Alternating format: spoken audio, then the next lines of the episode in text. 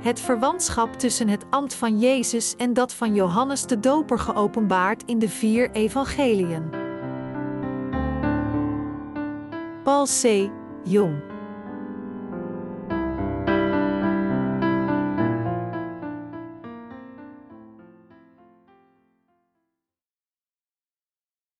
U moet weten en geloven in het ambt van Johannes de Doper. Marcus 1, 1, 2 Het begin van het evangelie van Jezus Christus, Zoon van God. Het staat geschreven bij de profeet Jesaja: Let op, ik zend mijn bode voor je uit, hij zal een weg voor je banen. Johannes de Doper bereidde de weg voor de Heer voor. Marcus 1, 2 zegt: Let op, ik zend mijn bode voor je uit, hij zal een weg voor je banen. Mijn medegelovigen, u kunt de rechtvaardigheid van God alleen vinden als u uw voorgevormde ideeën weggooit en de Bijbel gaat volgen, omdat het woord van God u zal leiden. Dus als u Gods woord leest, moet u het lezen nadat u uw eigen gedachten en vleeselijke verlangens hebt opgegeven. Alleen dan zult u zich realiseren en geloven in de wil van God die Hij wilt vervullen. Hetzelfde principe geldt ook voor de geschrifte passage van vandaag. Het is als u uw vleeselijke gedachten weggooit en het woord van God volgt, omdat het u leidt zodat u correct het ambt van Johannes de Doper en het ambt van Jezus zult begrijpen. De boodschapper die God stuurde voor Jezus is niemand anders dan Johannes de Doper. Waarom zei God in Matthäus 11, 10, 11 dat hij Johannes de Doper naar u en mij zou toesturen? Waarom moest Johannes de Doper zes maanden voor de geboorte van Jezus naar deze aarde worden gestuurd? De reden hiervoor is zodat Johannes zijn plichten als de hoge priester van het Oude Testament op deze aarde kon vervullen. Een andere reden voor hem was de zonde van de mensheid aan Jezus Christus door te geven, het Lam van God. Als een afstammeling van Aaron, de hoge priester van het Oude Testament, werd Johannes de Doper gestuurd om het priesterschap van zijn huis te vervullen volgens de wil van God. Zes maanden voordat Jezus verwekt werd bij de heilige maagd Maria, werd Johannes de Doper verwekt in de schoot van Elisabeth door God, een afstammelinge van Aaron de hoge priester.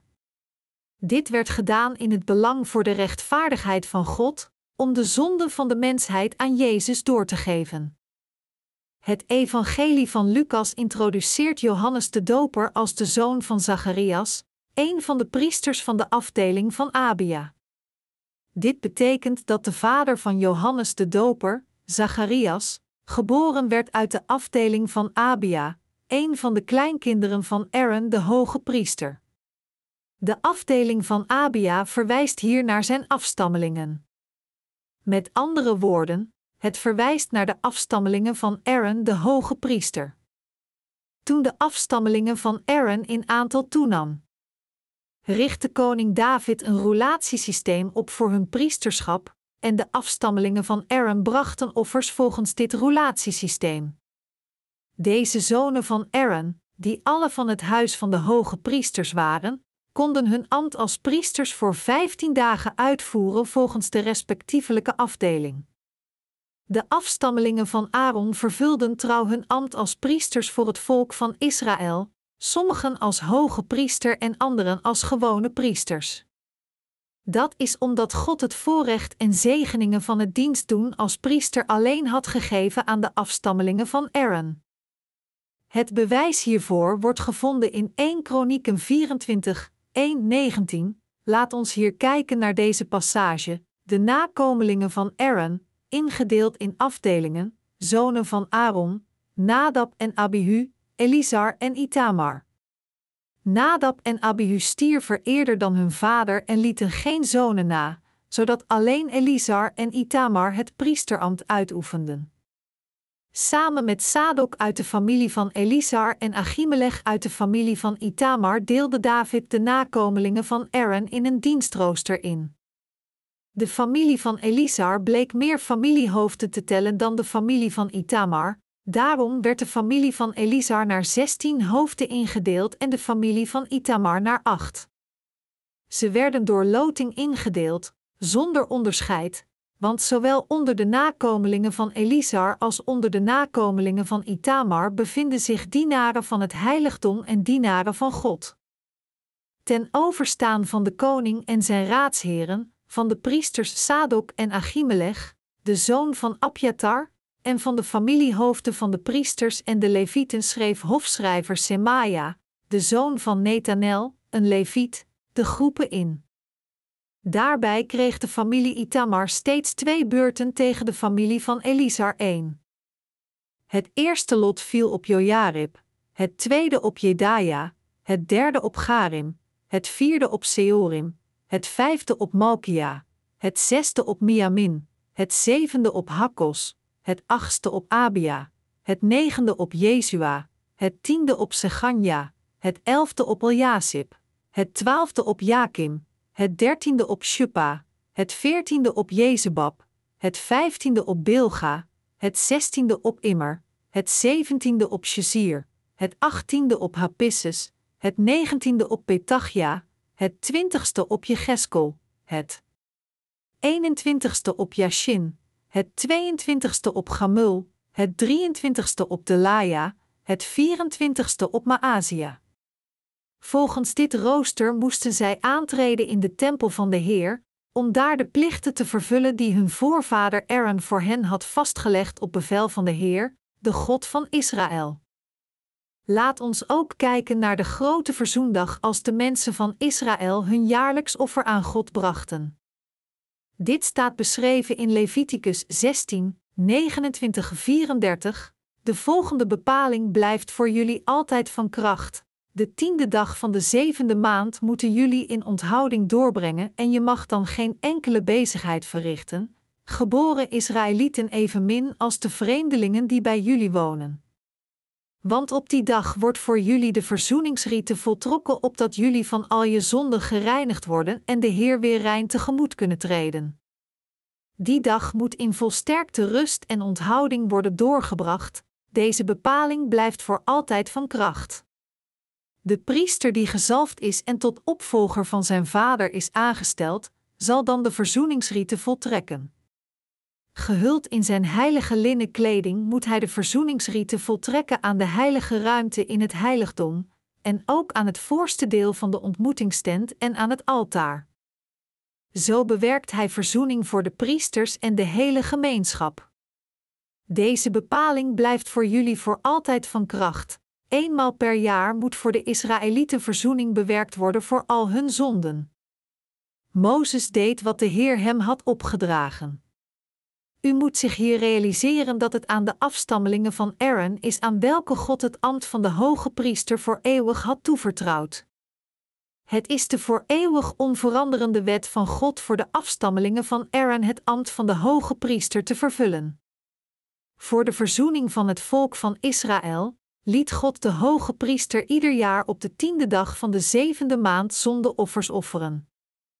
Na het voorbijgaan van het tijdperk van het Oude Testament en het begin van het tijdperk van het Nieuwe Testament, werd Johannes de Doper in het huis van Aaron de hoge priester geboren om het ambt van het doorgeven van zonde van de mensheid aan Jezus Christus te vervullen door hem te dopen.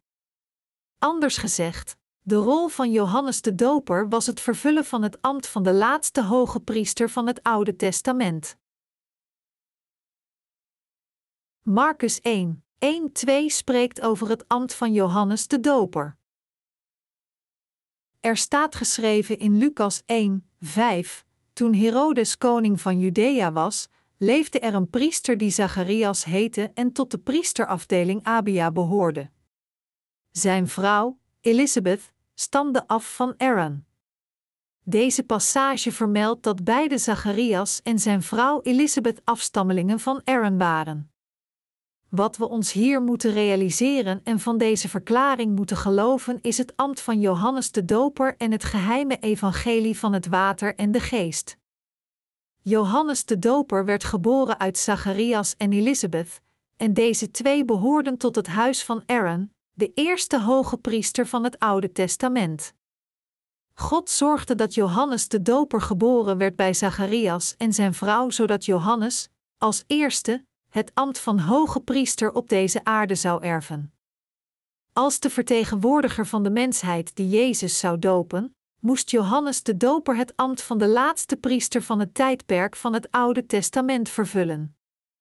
Dit was de voorzienigheid van bevrijding gevonden in Jezus Christus en het werk van de rechtvaardige overeenkomst van God gevonden in deze voorzienigheid en van zijn vreugde. Johannes de Doper was Gods dienaar opgevoed volgens de voorzienigheid van bevrijding in Jezus Christus. Met andere woorden, het was volgens de wil van God dat Johannes de Doper werd geboren in het huis van Aaron om het ambt van de laatste hoge priester op aarde te vervullen. Geboren in het huis van Aaron, predikte Johannes de Doper als de hoge priester van heel de mensheid. Hier moeten we zijn rol in meer detail onderzoeken en een definitief begrip bereiken. Alleen dan kunnen we correct geloven in het ambt van Jezus Christus die kwam om ons van al de zonden van de wereld te redden.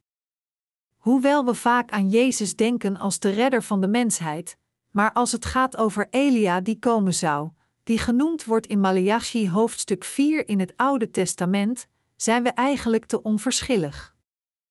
Te waarderen waarom het zo essentieel is voor iedere christene in deze eindtijden het ambt van Johannes de Doper te begrijpen, moeten we opnieuw kijken naar het woord van God. We moeten het ambt van Johannes de Doper en dat van Jezus opnieuw bekijken. Als er geen verband tussen het ambt van Johannes de Doper en het ambt van Jezus was, dan zouden we geen reden hebben geïnteresseerd te zijn in het ambt van Johannes de Doper.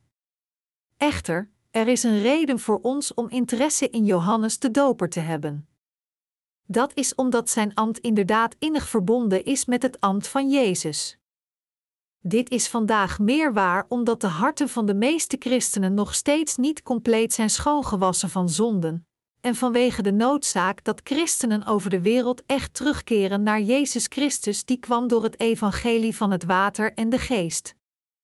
Als het op het ambt van Johannes de Doper en dat van Jezus aankomt, is het absoluut essentieel voor ons te weten en te geloven in de reden dat Jezus gedoopt werd door Johannes de Doper. Alleen dan kunnen we de reden begrijpen waarom Jezus zijn bloed aan het kruis voor ons vergoot nadat hij gedoopt werd door Johannes. Johannes de Doper was Gods boodschapper gestuurd naar deze aarde door God de Vader ongeveer op hetzelfde moment dat Jezus Christus zijn zoon werd gestuurd. Als de laatste hoge priester uit het tijdperk van het Oude Testament vervulde Johannes zijn ambt door Jezus te dopen.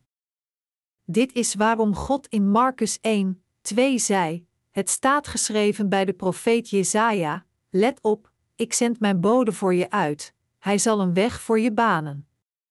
U moet zich hier realiseren dat de schrijvers van de vier evangeliën in het Nieuwe Testament als eerste onze aandacht trokken naar het ambt van Johannes de Doper voordat zij spraken over Jezus Christus. Marcus, een leerling van Jezus, introduceerde als eerste het ambt van Johannes de Doper, die de zonde van de wereld aan Jezus doorgaf. Dat is omdat Marcus wist dat Johannes de Doper al de zonde van de wereld aan Jezus moest doorgeven door hem te dopen. Het is omdat Johannes de Doper de man was die de zonde van de mensheid aan Jezus doorgaf door het doopsel. Dus door een passage van het Oude Testament te citeren, zegt Marcus dat Johannes de Doper Gods dienaar was op voorhand voorbereid volgens zijn voorzienigheid. De reden hiervoor is alleen als we alle het ambt van Johannes de Doper begrijpen, we ook correct kunnen begrijpen en geloven in het ambt van Jezus. Johannes de Doper was de boodschapper van God de Vader zes maanden voor Jezus naar deze aarde gestuurd. Met andere woorden, hij was Gods ambassadeur gestuurd om de zonde van deze wereld aan Jezus door te geven. Uitgekozen door God onder de hoge priester van het Oude Testament, was Johannes de Doper Gods dienaar die al de zonden van deze wereld aan Jezus moest doorgeven door hem te dopen, en dus zijn priesterschap vervullend. Daarom was zijn ambt een gezegend ambt, en hij was Gods dienaar die een belangrijke rol speelde bij de vervulling van Gods rechtvaardigheid. Johannes de Doper was de gezegende die, samen met Jezus, onmisbaar was om heel de rechtvaardigheid van God te vervullen, Matthäus 3 uur 15. Hij was, met andere woorden, Gods dienaar die ons duidelijk liet weten dat Jezus zou komen als de verlosser van alle zondaars. Dus moeten we niet falen het feit te zien dat al de schrijvers van de vier evangeliën als eerste het ambt van Johannes de Doper introduceren voor het ambt van Jezus. Voordat we het ambt van Jezus ontdekken, moet ieder van ons zich als eerste de noodzaak van het ambt van Johannes de Doper realiseren. Beiden geestelijk en feitelijk, Johannes de Doper was Gods ambassadeur gestuurd uit het koninkrijk van de hemel. Het is door het ambt van Johannes de Doper, die kwam van het koninkrijk van de hemel in gehoorzaamheid van Gods wil, dat wij het ambt van Jezus Christus correct kunnen begrijpen. Als we het correcte begrip van het ambt van Johannes de Doper hebben, dan kunnen we ook makkelijk begrijpen dat Jezus de zonde van de mensheid voor eens en altijd droeg door te worden gedoopt door Johannes de Doper, om onze Verlosser te worden. We kunnen zien dat de vier evangeliën van het Nieuwe Testament onveranderlijk schrijven over het ambt van Johannes de Doper, Gods dienaar.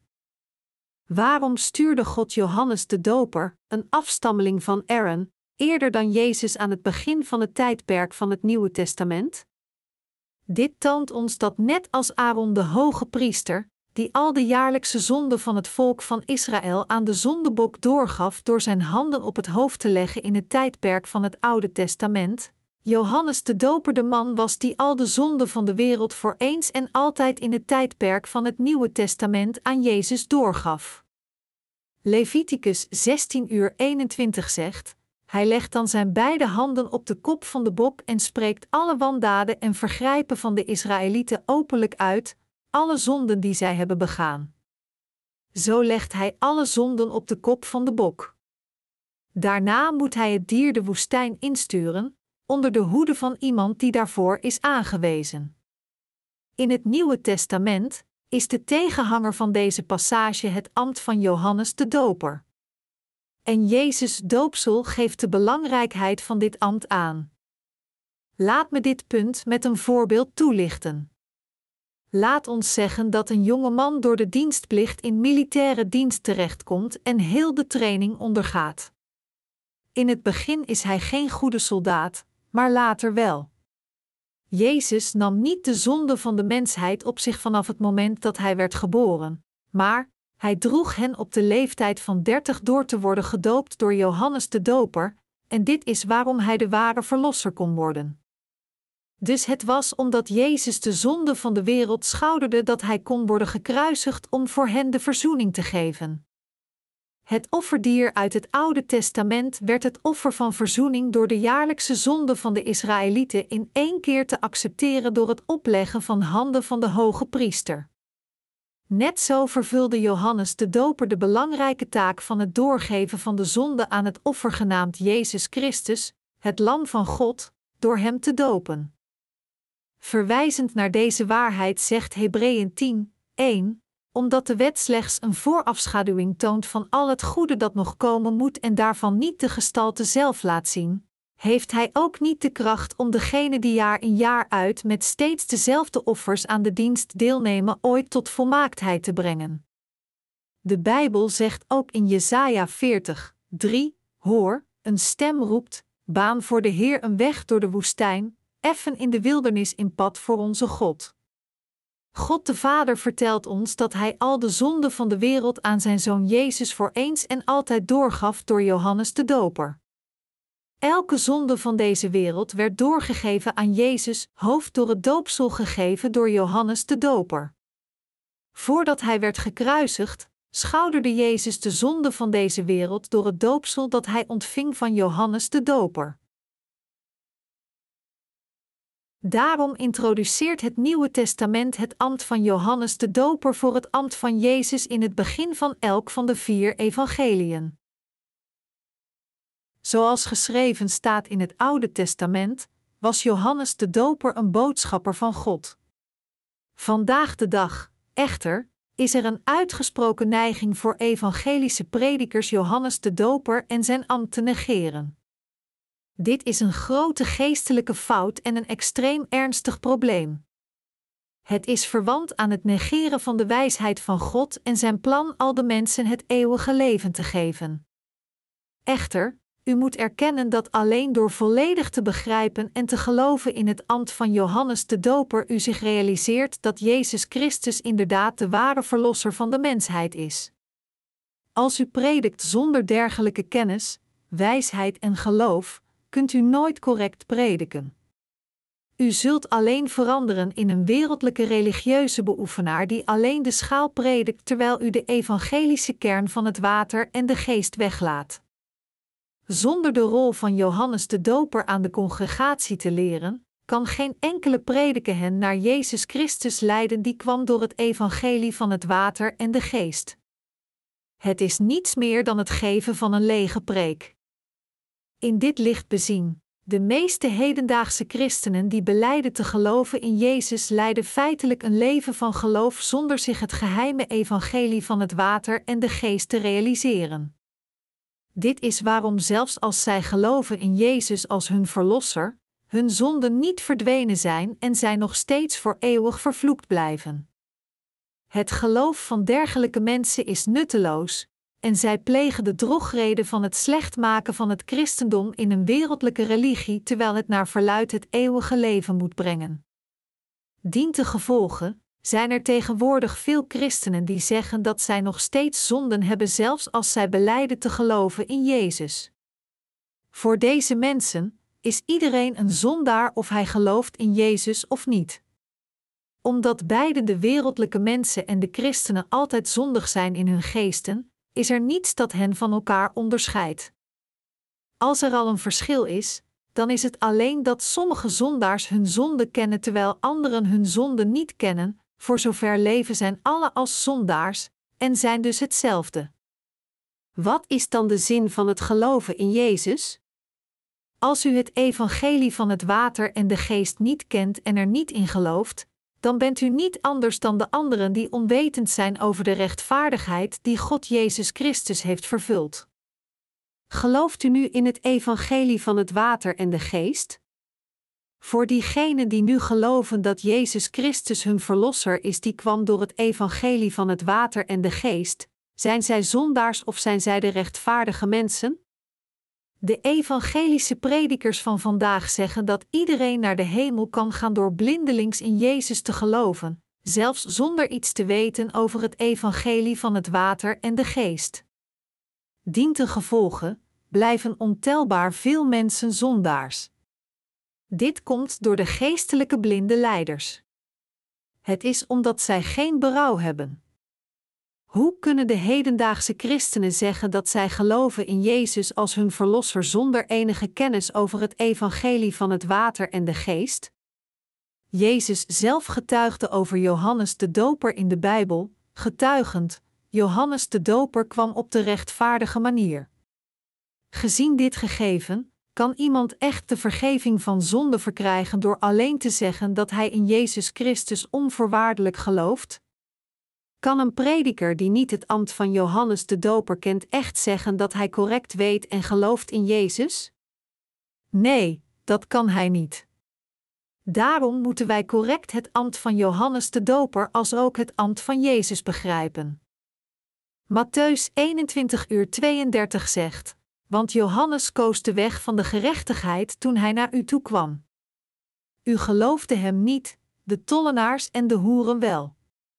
Het hedendaagse christendom is alleen trots op zijn lange geschiedenis. Daar de hedendaagse christelijke leiders feitelijk niets weten over het ambt van Johannes de Doper in verband met het ambt van Jezus, hoewel zij vurig proberen te evangeliseren, diegenen die door hen worden geëvangeliseerd kunnen niet de vruchten van zaligmaking dragen. Het is hartverscheurend te zien dat de meeste christenen geen idee hebben over hoe hun zonden helemaal werden uitgewist, er staat geschreven: Mijn volk komt om doordat het met mij niet vertrouwd is. Jij wilde het niet met mij vertrouwd maken, daarom wil ik niets meer met jou te maken hebben. Je zult mij niet meer als priester dienen. Jij hebt de wet van je God verwaarloosd, daarom zal ik jouw kinderen verwaarlozen. Hosea 4, 6. Laat mij u hier een verhaal vertellen. Lang geleden, In een afgelegen dorp waren er twee broers die analfabeet waren. De oudste broer verliet zijn dorp om een baan te vinden, maar hij keerde terug voor een vakantie. De dag voor Thanksgiving Day ging hij met zijn jongere broer wandelen op een nabijgelegen berg. Het was herfst, er waren veel waarschuwingsborden voor brand. Dus de broers kwamen een dergelijk groot bord tussen twee elektrische palen tegen, waarop stond pas op voor vuur geschreven in rode letters tegen een witte achtergrond. De jongste broer was het opgevallen dat zijn oudere broer compleet veranderd was toen hij terugkeerde naar huis na zijn lange afwezigheid, mooi gekleed volgens de laatste mode. En dus dacht hij dat zijn grote broer wist wat er op het bord geschreven stond. Met deze verwachting vroeg hij zijn broer: Wat staat er op het bord? De grote broer had in feite geen idee wat er op het bord stond, maar omdat zijn kleine broer het hem vroeg, voelde hij zich verplicht een antwoord te geven om zijn gezicht te waren. Dus keek hij om zich heen, en omdat het bord groot en aan een elektrische paal hing, zei hij tegen zijn kleine broer: Het bord zegt elektrische paal. Onder de indruk prees de jongere broer zijn grotere broer door te zeggen: Wauw, je bent zo intelligent. Maar een tijdje later kwamen zij een ander bord tegen. Deze keer stond er op het bord geschreven: Pas op voor bosbrand. De jongere broer had natuurlijk geen idee wat er op het bord stond, omdat hij analfabeet was. Dus vroeg hij weer aan zijn grote broer: Wat staat er op dit bord? De grote broer had zijn kleine broer een verzonnen antwoord gegeven, maar nu vroeg zijn kleine broer het hem weer opnieuw. Dus hij dacht na over wat hij zou zeggen. Hij zag dat dit bord een woord meer had dan het vorige bord, en dus zei hij: Het bord zegt een andere elektrische paal. Opnieuw was de jongere broer onder de indruk. Tijdens hun wandeling spraken zij over datgene wat in hun levens was gebeurd terwijl zij van elkaar gescheiden waren. Ze deelden hun momenten van vreugde en verdriet. Maar zij kwamen weer een ander bord tegen. Deze keer stond opgeschreven: uitkijken voor bosbrand. Dus vroeg de jongere broer weer op hun plaats op dit bord geschreven stond: Wat zegt dit bord? De grote broer dacht weer na en zei: Het zegt nog een elektrische paal. Zij gingen door met hun wandeling. Toen zij hun weg vervolgden, kwamen zij een ander bord tegen. Deze keer stond er te lezen: Wees zeer op uw hoede voor bosbrand. Dus de jongere broer vroeg opnieuw: Wat staat er op dit bord? De oudere broer piekerde over dit en zei toen: Er staat: Meer en meer elektrische palen. De jongere broer was weer onder de indruk van zijn broer en zei tegen hem: Je hebt er zoveel verstand van. Ik wil dat je me meeneemt als je weer vertrekt. Hun wandeling vervolgend, kwamen zij nog een bord tegen dat nog meer letters had. Er stond: Kijk nog eenmaal naar het vuur dat u hebt gedoofd. Dus de jongere broer vroeg opnieuw: Wat zegt het bord deze keer? Al de vorige antwoorden gingen over elektrische palen, en dus wat denk je dat de grote broer deze keer zou zeggen? Hij zei: Dit is opnieuw een elektrische paal.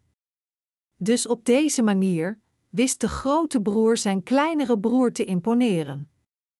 Onder diegenen die vandaag de dag het evangelie prediken, zijn er veel mensen die net zo zijn als de grote broer in ons verhaal. Hoewel zij niet precies weten hoe Jezus hun zonde schouderde, houden zij blindelings vol dat omdat God van hen houdt en zichzelf voor hen offerde, zij gered zijn door alleen te geloven in Jezus kruis. Maar dit is helemaal verkeerd. Je kunt een bord alleen begrijpen als je de letters en de betekenis ervan kent. We kunnen een correct begrip van het evangelie van het water en de geest alleen krijgen als we de correcte kennis over Johannes de Doper bezitten. Vandaag kunnen we in Jezus geloven door Johannes de Doper, dat is, door het getuigenis van Johannes de Doper zoals beschreven in de geschriften. Johannes droeg getuigenis over wie Jezus was, welke zonden hij droeg, hoe hij hen droeg, hoe hij de zoon van God was en hoe hij al onze zonden schouderde. De apostel Johannes en Johannes de Doper is niet dezelfde persoon. De apostel Johannes is een leerling van Jezus terwijl Johannes de Doper een boodschapper van God is, de vertegenwoordiger van de mensheid, een afstammeling van Aaron, de laatste profeet van het menselijke ras en de laatste hoge priester. Johannes de Doper is een boodschapper van God gestuurd door de Vader. Er staat geschreven in Johannes 1, 6, 7: Er kwam iemand die door God was gezonden, hij heette Johannes. Hij kwam als getuige, om van het licht te getuigen, opdat iedereen door hem zou geloven. De apostel Johannes getuigde hier dat er een man was gestuurd van God genaamd Johannes, en dat het door dit getuigenis is dat we geloven in Jezus Christus. Zonder het getuigenis van Johannes de Doper vermeld in Johannes 1, 7, hoe zouden we anders correct in Jezus kunnen geloven?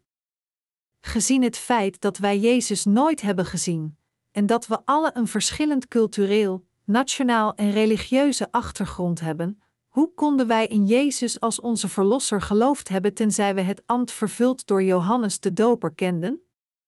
Als we niet precies hadden geweten wanneer onze zonden werden doorgegeven aan Jezus, als Johannes de Doper niet had getuigd dat hij de zonde van de wereld samen met onze eigen zonde aan Jezus had doorgegeven, hoe zouden we dan kunnen geloven in Jezus als onze Verlosser? Zonder Johannes de Doper, de pionier van het Evangelie, zouden we dan in Jezus als onze Verlosser hebben geloofd? Is het niet alleen als we de basis van Gods plan van zaligmaking onderzoeken dat we kunnen ontdekken of Jezus Christus inderdaad onze Verlosser is of niet? Is het niet alleen als we precies weten wanneer? Hoe en door wie uw zonden en mijn zonden werden doorgegeven aan Jezus dat we echt in Hem kunnen geloven? Is dit niet fascinerend genoeg? Mijn medegelovigen, Christenen die al geloven in Jezus moeten ook het ambt van Johannes de Doper begrijpen. Om een dorpsleider te zijn, moet iemand geletterd zijn. Van een analfabeet een dorpsleider te maken voorspelt alleen problemen. Niet alleen die persoon zit in de problemen, maar het hele dorp leidt onder de gevolgen. Mijn medegelovigen, Alleen als u het ambt van Johannes de Doper gestuurd door God begrijpt, kunt u oprecht gered worden van uw zonden. U moet zich realiseren dat als u gelooft in Jezus, als u accepteert en gelooft dat Hij uw verlosser is geworden, u zelf gered kan worden en uw zaligmaking niet in bruikleen gegeven wordt. Als we in dergelijk geloof hebben, kunnen we met onze lippen getuigen dat Jezus ons inderdaad van al onze zonden heeft gered omdat Hij van ons houdt. Bent u het hiermee eens? Net als kennis noodzakelijk is om iets te doen, moet u zich realiseren dat Johannes de Doper kwam op de manier van rechtvaardigheid, en u moet zich realiseren dat Jezus onze zonde voor eens en altijd droeg door het doopsel dat hij van Johannes ontving. Is het niet alleen dan dat we geloven in Jezus als onze Verlosser? Johannes de Doper is de dienaar van God die de zonde van de wereld aan Jezus doorgaf, en hij is de laatste hoge priester uit het tijdperk van het Oude Testament. We moeten alle nadenken over het ambt van Johannes de Doper in samenhang met het ambt van Jezus Christus, begrijp het onderlinge verband en kies ervoor in hem te geloven.